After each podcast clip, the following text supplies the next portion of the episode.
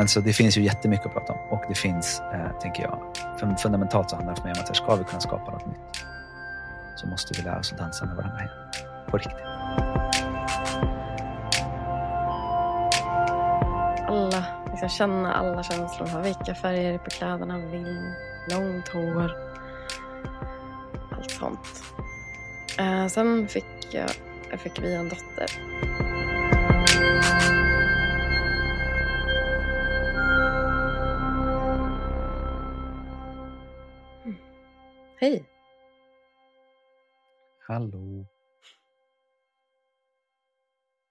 Mic test, test. Hello, hello. One, two, one, two, three. Hallå. Och så bjöd vi in leken. Mm. Vad bra. Vi ska köra en liten djupdykning eh, i podden kring det vi kallar feminint och maskulint. Och eh, det är lite nytt upplägg än vad vi har gjort tidigare. Så det är bra att du bjöd in leken, tycker jag. Och, så, Mm. och så känner jag att jag vill göra en, en påminnelse. Eh, i, vår, I våra samtal så är det ganska självklart att vi provpratar. Men det är inte nödvändigtvis för alla andra. Eh, med tanke på att man i många sammanhang inte gör det. ja. Så att, eh, vad betyder provprata för dig?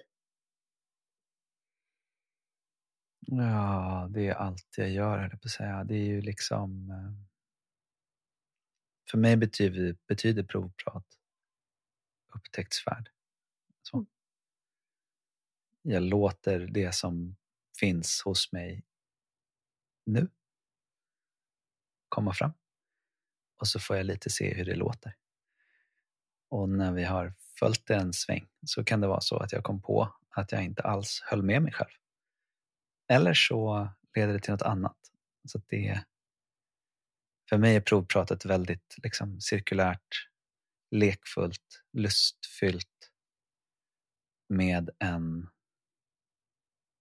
ambition av att försöka skapa något nytt, att generera någonting. Att liksom hitta en väg in i ett ämne som jag inte visste fanns när vi började prata. Ehm. Jag har också med mig den här linsen som är att jag har en massa saker med mig, både i min ryggsäck och i mitt huvud och liksom i, mig, i mig själv. Och du har en massa saker med dig i din ryggsäck och i ditt huvud och i dig själv. Vi har tillgång till en massa saker emellan oss för att vi har en, en relation och har ett samtal som har pågått under en lång tid. Och utanför det, som känns ganska så konkret, även om kanske det som är, ligger i relationen är minst konkret där, så finns också för mig livet, liksom, eller mysteriet där som är något annat som, som ibland så här dyker upp. Som, som blir en insikt eller något förvånande eller något, här, något djupare när man får kontakt med något annat. Um, och provprat innehåller alla de, kan innehålla alla de komponenterna för mig. Mm. Tack. You nailed Vill du lägga till något? ah, okay, cool. nej, jag tror inte jag behöver lägga till någonting. Mm. Uh, nej. Nej, vi provpratar utifrån det vi vet just nu. Mm. Eller det vi kommer ihåg att vi vet just nu. Mm. ja. mm. Vad, eh, vi sa, du, som du sa, så har vi tänkt att prata kring det maskulina och det feminina som någon form av grundenergier. Och vi kommer komma tillbaka till vad vi menar med det, tänker jag. Um, vad, varför pratar vi om det maskulina och det feminina? Vad har det att göra med en levande framtid för dig? Vi... Mm, ska jag komma in i det här?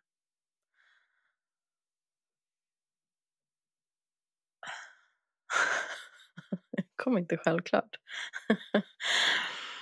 um, alltså man kan ju dra liksom där, historiskt. Så här, ja, men vi har levt i ett väldigt liksom, maskulint paradigm väldigt länge. Eller en tidsålder rent av.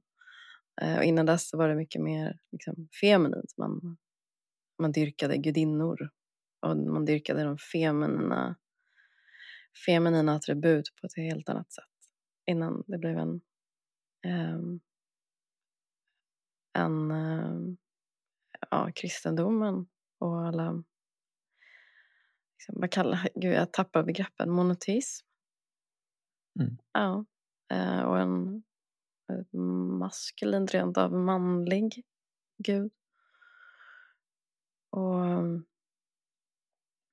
och det är de maskulina attributen som har värderats under åtminstone 2000 år. Um, och det upplever jag och många därtill um, bidrar till en obalans. Det, um, man kan se det på många olika sätt, vilket vi säkert kommer komma in i. Och många menar nu att vi behöver bjuda in det feminina igen och eh, inte för att bli en ny pendelrörelse. Nu ska vi bara dyrka gudinnor och det feminina mm. just för att bjuda in ett eh ja, säger man, unity. Uh, en, en balans. Enhet. Enhet. Balans. Mm. Och jag hörde senast, som jag skrev i, vi skrev i varsin text där, som inledning till mm. det här. Och jag lyssnade till, eller pratade med, eh, med Silla Elworthy som är fredsarbetare och ja, nomineras till Nobels fredspris typ tre gånger. Uh, jag tycker att hon, she knows her shit. hon sa det liksom att jag var en av dem som menar att uh, det är en stor del av det arbete vi behöver göra framåt. Uh, för att, och att bjuda in yin-energin eh, som hon hellre pratar om än att benämna, benämna den, den feminin. alltså eh, det är väl de stora dragen för mig men sen så har jag en personlig resa som eh, där har varit oerhört viktigt att få syn på. Men vill du, vill du addera till den här större, det större perspektivet på något sätt? Mm, det kan jag mm, försöka. Mm. Oh, det går ju... Det finns de som pratar om... Kristendomen pratade du om det sätter oss i någon så här 2000 års perspektiv ungefär. Um, finns en annan historia som fortsätter som en fortsättning bara som, som leder till kanske det gamla Egypten där man pratar om liksom, den enda floden som en the boy pharaoh, pojkfaraon, liksom, eh, kontrollerar. Solguden um, ett annat perspektiv sett, att då är vi liksom 5000 år kanske tillbaka i tiden och så, så finns det andra som pratar om att här, det hände någonting runt 12 000 år tillbaka i tiden. Någonstans när det verkar ha skett någon form av stort event eller någon form av liksom apokalyps typ, i termer av det som, som i Bibeln beskrivs som den stora floden till exempel med Noas ark och hela den balletten. Liksom som finns i väldigt många olika traditioner. Som efter det så, så trillade vi in i det som är vår nuvarande, innan antropocen så var vi liksom i en, en geologisk tidsålder där det var väldigt, väldigt temperaturstabilt som har lämpat sig väl för att bruka jord. Och i och med att vi började bruka jord så hände någonting med våra religioner eh, och vårt synsätt. Ehm, så att det finns liksom, ja, men 2000 år, eller 5000 år eller 12 000 år. Liksom, så här, det är olika startpunkter för när vi började göra en rörelse som är mer och mer maskulint orienterad på ett eller annat sätt liksom, i de läsningar som jag har gjort. Ehm, det finns ett jättefint perspektiv från en kvinna eh, som heter Sophie Strand som jag uppskattar väldigt mycket, som har tagit ett mytologiskt perspektiv. Ehm, där hon lyfter också att även det maskulina, den maskulina uttrycket, och jag säger nästan det som ett uttryck, som är det som har prioriterats, är ganska begränsat. Liksom. Det är ganska lite handlingsutrymme. Även i den maskulina energin är det som premieras och det som på ett eller annat sätt att liksom lyfts fram som det maskulina. Ehm, och hon menar på att det handlar väldigt mycket om precis det som du var inne på, den här monoteismen, men också det faktum att det är solgudar i stor utsträckning som har dyrkats. Liksom. Solgud som är bortkopplad från jorden, eh, som inte har rötter, som inte är fast och som inte finns på plats här, liksom, i. Så.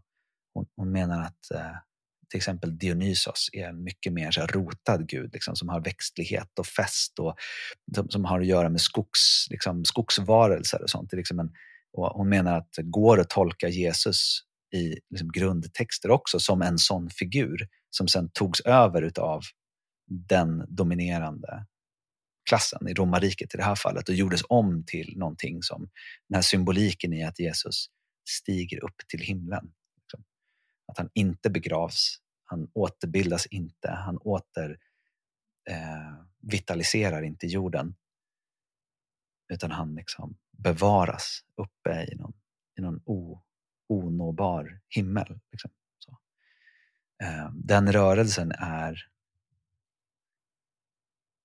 eh, det är en ganska särkopplad, en begränsad del av vad, maskulin, av vad det maskulina har varit historiskt. Det har funnits andra maskulina uttryck eh, och att just den delen som vi har prioriterat har fått ta väldigt mycket plats och har haft väldigt, väldigt, väldigt stora konsekvenser för Eh, var vi befinner oss just nu.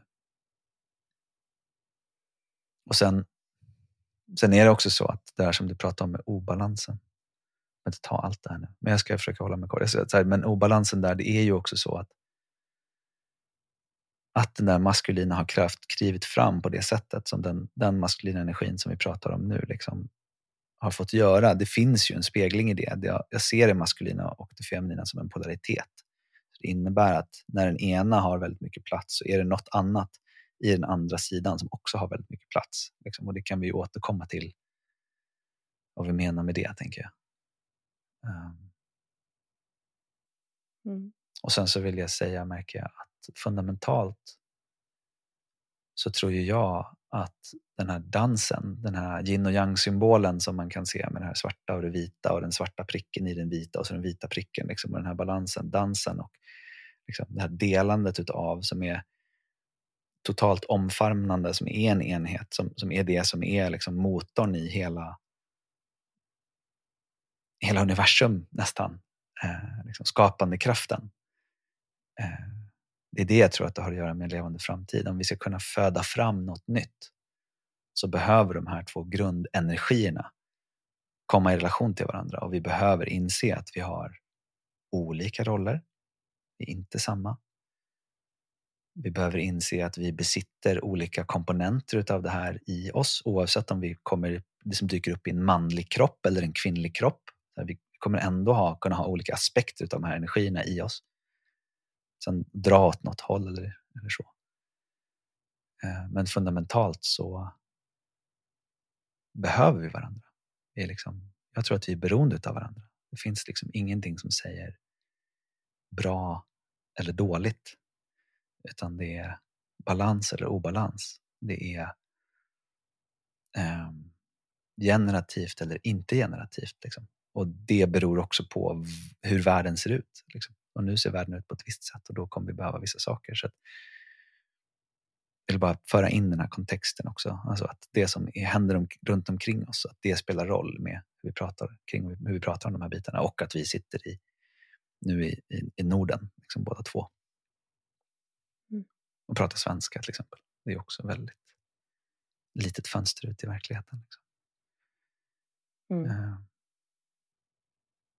Men så det finns ju jättemycket att prata om och det finns, eh, tänker jag, för fundamentalt så handlar det för mig om att här, ska vi kunna skapa något nytt så måste vi lära oss att dansa med varandra igen. Liksom, på riktigt. Mm. Och här kommer vi prata... Alltså det är ju lite förvirrande för många. Alltså vi pratar, så fort jag börjar prata feminint och maskulint så kopplar folk oftast det till kvinnligt och manligt. Eh, kvinnokroppen, manskroppen. Och det är lätt att det blir så här, "Åh, varför ska vi polarisera oss? Nej, men det, vad är meningen med det? Liksom? Mm. Eh, och jag förstår det fullständigt. Och, och samtidigt som det inte alls har med kön att göra så är det samtidigt också till viss del kopplat till våra Mm. biologiska kroppar. Eh, Så det är lite förvirrande. Men jag tror att det är viktigt att tydliggöra när vi pratar feminint och maskulint så är det två energier likt yin och yang som alla har i sig. Um, vare sig du är kvinna eller man. Kanske att det är så att kvinnor har lite mer av det feminina. Mm. Naturligt så. Och att män har lite mer av det maskulina. Mm. Jag vet inte. Men, men framförallt så är det ett spektrum. Och jag tror att det finns ett värde just i att se. För mig har det haft ett värde att se polariteten, att se ehm, eh, att förstå. För att värdera båda. Mm. Mm. Om jag spinner vidare på det som du säger så tänker jag så här. Det, som jag, det enda som jag är säker på är att det är inte samma. Så. Det maskulina är inte det feminina Mm. och det feminina är inte det maskulina. Så. Så de, de, det är två olika saker, två olika sätt att se på världen. Ehm, två olika sätt att förstå världen och att utforska världen. Liksom. Så. Ja. Eh, och de är, på sätt och vis så är de grundenergier och eh, så. Men de bor också i kroppen, precis som du säger. Alltså det finns ju jättemycket psykologi eh, som pratar om just alltså hur vår biologi är konstruerad, liksom hur vi funkar, hur våra kroppar ser ut. Liksom. Eh, det faktum att eh, män till exempel har ett könsorgan som sticker ut, som bor utanpå kroppen och kvinnor har ett könsorgan som går inåt. Eh, det är två helt olika sätt för ett barn att utforska och upptäcka världen. Så. Um, och det får konsekvenser. Så att liksom, det är det här samspelet hela tiden. Det är inte det är väldigt nära relaterat och starkt relaterat och ovanpå det så finns det ju hela det här som vi pratar om mycket med kulturen och vattnet vi simmar i och de, de roller som vi blir uppfostrade till. Liksom, för att ta ett jättekonkret exempel så vi har flyttat då med familjen till Island för ja, men 18 månader sedan och när vi kom hit så gick, började min eh, äldsta dotter, hon började i i nollan eller alltså i förskoleklass, alltså i ja, ettan här. Och då, men för att hon skulle få lära känna sina kompisar så hade, var vi på lite studiebesök nere på förskolan. Här, så hon fick träffa dem som hon skulle gå i skolan med. Och sånt där. Och, och även min yngre dotter fick liksom känna på sin förskola. Så. Eh, och när vi kom dit så var vi ute och då så fick barnen leka ute och vid flera tillfällen under de första dagarna liksom, så kom båda mina döttrar till mig och bara Men pappa, varför säger de inte till dem? Jag sa, "Vad- Vadå, vad menar du? Så här, ja, men varför säger inte lärarna till dem? Säger till vem? Ja, men säg till killarna. Vadå säger till killarna? Ja, men, så där får de ju inte göra. Liksom. Och för mig så var det pojkar som lekte. Så, som, de, det var, ganska, det var lite rough. De jagades och knuffades och skrek. Och, och så här, men de höll på med varandra och det verkar vara, det var, alla var med. Så. Men då, då var det ju, det fanns en värdering då från deras tidigare förskola som var, låg i Sverige. Där, man, där tyckte man inte att det var okej att killar lekte så. Eller att någon lekte så, förvisso då. Så, så det mm. inte vara. Men, men, så det finns ju liksom de här energierna och uttrycken som man skulle kunna ge liksom en, benämna med en, en, de här grundenergierna och arketyperna också, tänker jag, på det sättet de här pojkarna lekte. Det har ju att göra med kroppen som man kommer i eh, och den kultur som man är uppfostrad i också. Hur den får ta sig uttryck och vad, vad som är tillåtet, vad som inte är tillåtet, vad man lär sig är accepterat och inte accepterat. Så det är jättekomplicerat. Och mm. för min del så är det grundenergierna som är mest intressanta.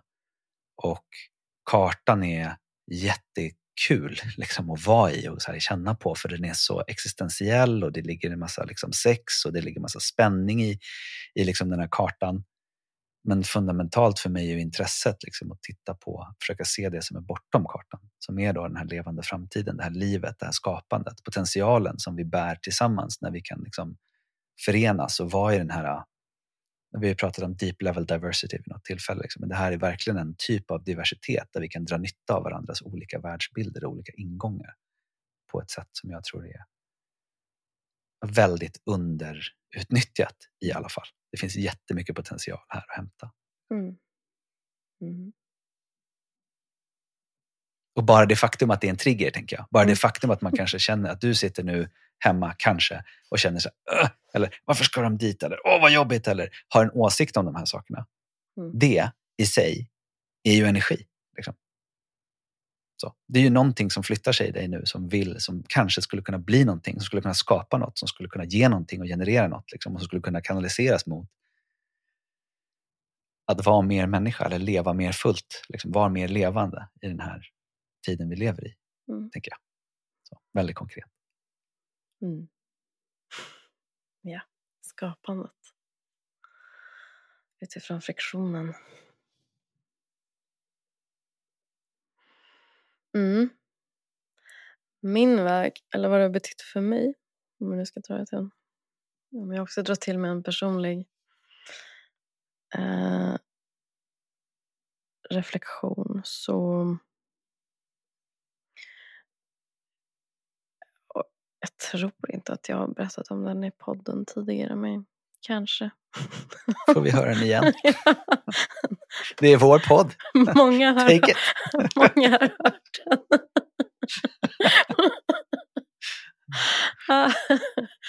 Och jag har skrivit om den, så att ja, det är igenkänning på det. Men i alla fall.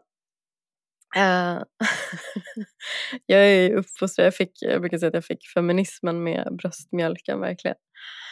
Uh, min farmor var feminist och väldigt aktiv och mamma likaså. Så att jag, jag fick väldigt tidigt koll på just hur, ja men, reklam till exempel. Hur, hur man riktar reklam olika till tjejer och killar. Och, hur man säljer grej med tjej. Och, så jag var medveten om sånt ganska tidigt. Um, men det som min feministiska skolning uh, gjorde var att jag, jag liksom, den uppvärderade den maskulina energin eller den, den liksom baserades lite på att ja, men vi kvinnor vi, vi är värda lika mycket som män, vi, vi, vi är lika bra, vi kan göra lika mycket lika som ni. typ.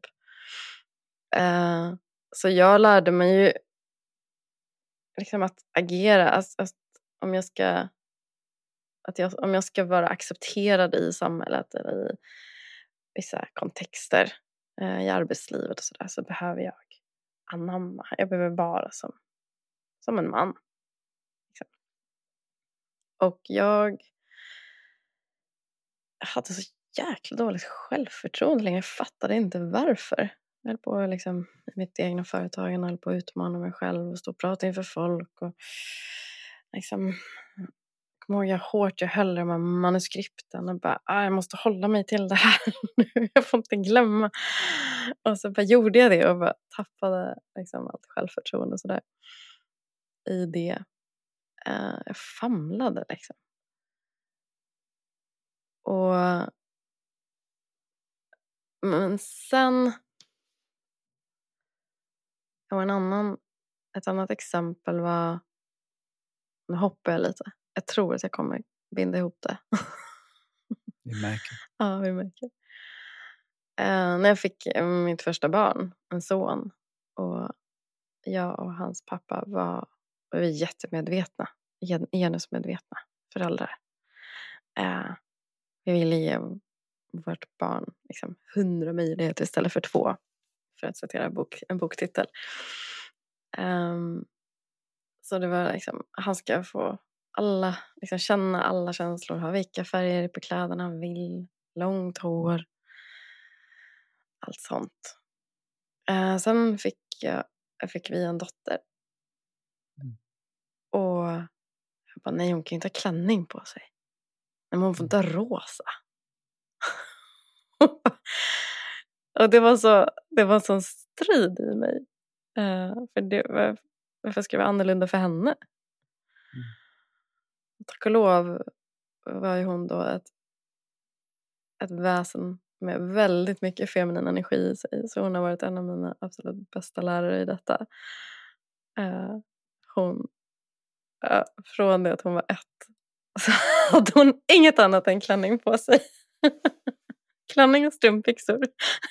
Vart hon än gick så kom hon hem med liksom, prinsessklänningar. Och bara, kände sig så fin. Så I och med det där och att jag då eh, ungefär under samma veva gick en eh, kurs i feminine, Awakening Feminine Leadership med Lovisa Alsen. Så och fick lära mig just om den här skillnaden mellan det feminina och det maskulina.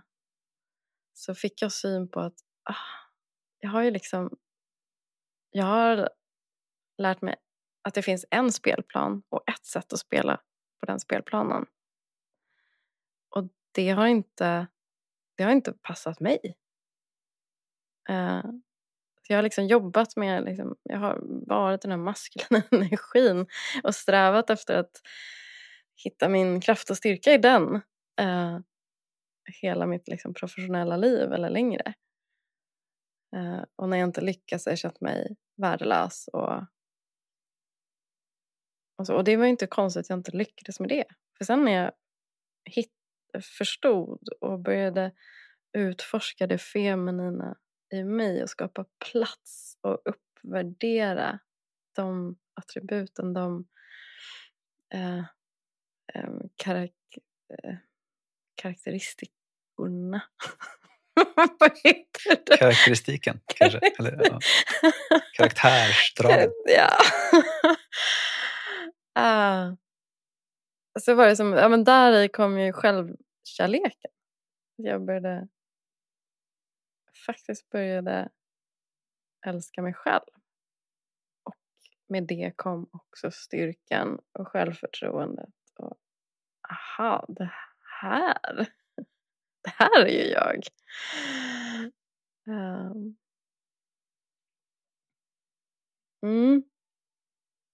Jag tror jag knöt ihop det där och det går att fördjupa och förlänga. Uh, men det är vad det ja, min resa in mm. i det. Vad var din resa in i det? Mm. Motvillig. Skamfylld. Väldigt, väldigt skamfylld. Um, skuldfylld också för den delen. Mm. En, en känsla av liksom nästan men, konstant är att ta i, men en väldigt liksom stor andel av känsla av eh, att vara att, ansatt, liksom, att behöva försvara mig. Eh, kommer också från ett hem med ganska stor medvetenhet liksom, om så. Mer kanske i någon sån här rättvise tanke än, än så jättegenusmedveten. Så. Um, vi gör likadant, så vi kan, alla kan samma, så det, är, det är samma förutsättningar, det är liksom den här lik, likhet, liksom. alla ska med, liksom. vi kan göra samma saker, det finns ingen skillnad. Ehm. En syster som är liksom fantastisk och som verkligen har gått in hårt i aktivism liksom på, kring just det feminina och jobbar med sexuell reproduktiv hälsa också. Gör fantastiska saker och har gjort fantastiska saker liksom runt om i världen eh, för kvinnor och har sett så jävla mycket skit. Liksom. Hur män håller på.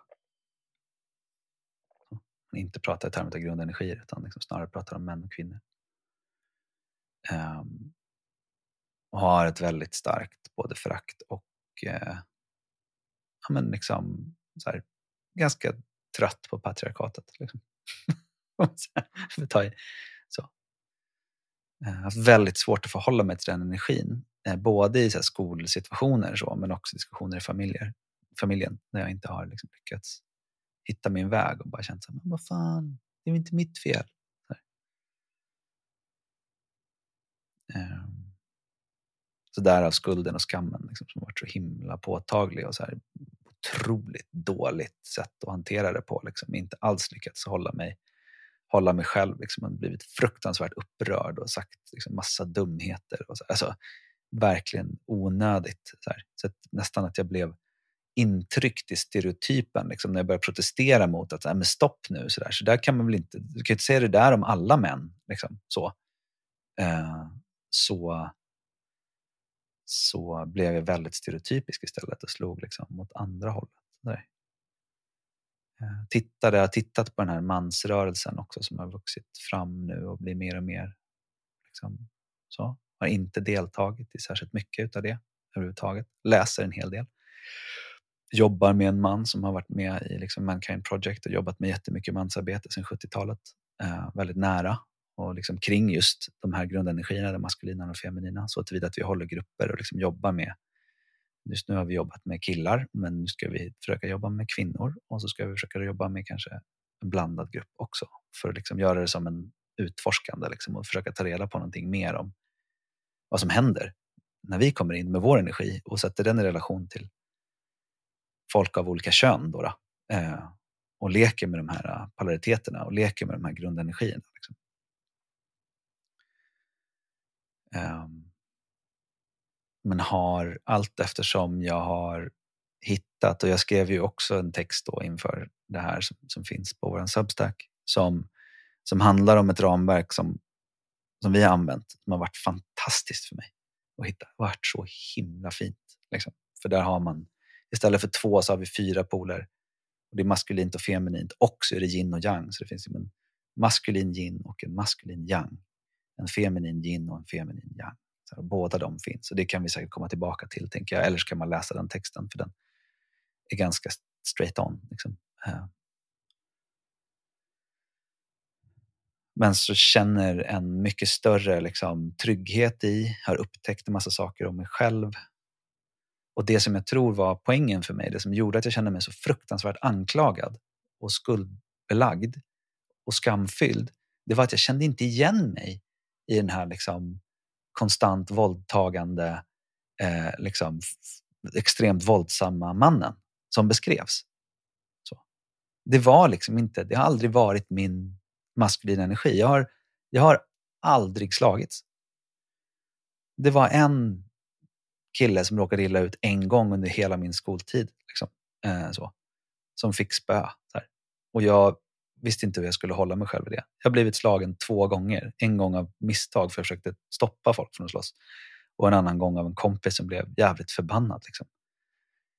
Um, men aldrig förmått att slå tillbaka. Liksom. Min, min energi har alltid varit på att dra sig tillbaka och stoppa och frysa. Liksom. Och så jag har inte haft kontakt med den aggressionen som är så ofta beskriven liksom, i, och som tillskrivs det maskulina.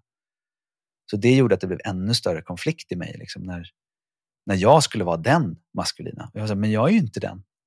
Men jag är ju kille. Jag kan ju se att jag har en snopp. Liksom. Alltså, det, det, är ju uppenbart. Och jag har en fru och jag är heterosexuell och så här, tycker det är jättekul att hänga med tjejer. Um, så det där har varit en jättekonflikt liksom, och ett väldigt, väldigt, väldigt svårt och väldigt stor frihet också nu när jag börjar hitta vägar in i det. Så det har skapat, apropå självsäkerhet och trygghet och en känsla av att jag kan, hur jag kan kliva in i förhållande med både män och kvinnor känns för mig nu mycket mer naturligt. Så jag har mycket mer avslappnat sätt att liksom hitta in i det. Eh, som ett resultat av att jag börjar titta på det här som grundenergier och liksom hitta hem i de här olika spektrumen och de här olika energierna och se också hur jag flyttar mig i den här kartan beroende på vem jag interagerar med. När jag sitter med en grupp män så är jag en viss typ av man eller en viss typ av maskulin energi. När jag sitter med en kvinna, som vi gör som nu när vi pratar till exempel, eh, eller flera kvinnor eller liksom en grupp med blandat, då hittar jag andra roller. Liksom. Eh, och andra kombinationer av energier också. Så motvilligt, skamfyllt, jobbigt och nu med liksom väldigt, väldigt, väldigt stor nyfikenhet och har liksom djupdykt, verkligen djupdykt under kanske sista ett och ett halvt året med en, en eh, guide som har jobbat länge i det här liksom, fältet också. Och som har varit på liksom, den maskulina sidan och värnat och verkat för mer hel maskulin energi. Ja. Så kanske. Mm. Det är så roligt, jag börjar skratta. Uh, för jag har också, jag har inte uh, dykt kanske med in i teorierna, fast det har jag ju. Men det är jag ju verkligen anammat. Det har varit en resa de senaste fem åren. Mm. I ett upptäckande. Verkligen förkroppsligande. Ah, det är fantastiskt. uh, och mycket av det som fick mig att skratta var att uh, för jag har allt mer, liksom, eh, varit väldigt mycket omgiven av män som har uh, liksom kunnat stå starkare maskulina och så att jag har kunnat gå in och verkligen flöda i det feminina. Som med dig till exempel. Och min partner nu och så, så med honom, med Linus, är jag väldigt mycket det feminina oftast. Uh, tror jag. så jag skulle egentligen jag skulle hålla en workshop och hjälpa en, en, en vän i ett projekt nu där han behövde hjälp med att uh, liksom sätta struktur och planera framåt. och Linus bara garvade. Ska, Ja, det är du det. Apropå att vi är olika, olika människor. Jag, jag har en ganska bra sån maskulin sida. Också. Mm. Mm. Det här kanske är en, en fin... Eh, det här kanske var första avsnittet. Jag tror det. Om vi låtsas det. Mm. Och så skulle vi kunna lämna en, dingla en liten, en liten eh, teaser om att vi kanske går in på det här med vad, vad är egentligen skillnaden mellan det feminina och det maskulina. Det kändes som en väldigt fin inbjudan du hade där i din, i din del. Det kanske Perfekt. blir nästa avsnitt. Så gör vi.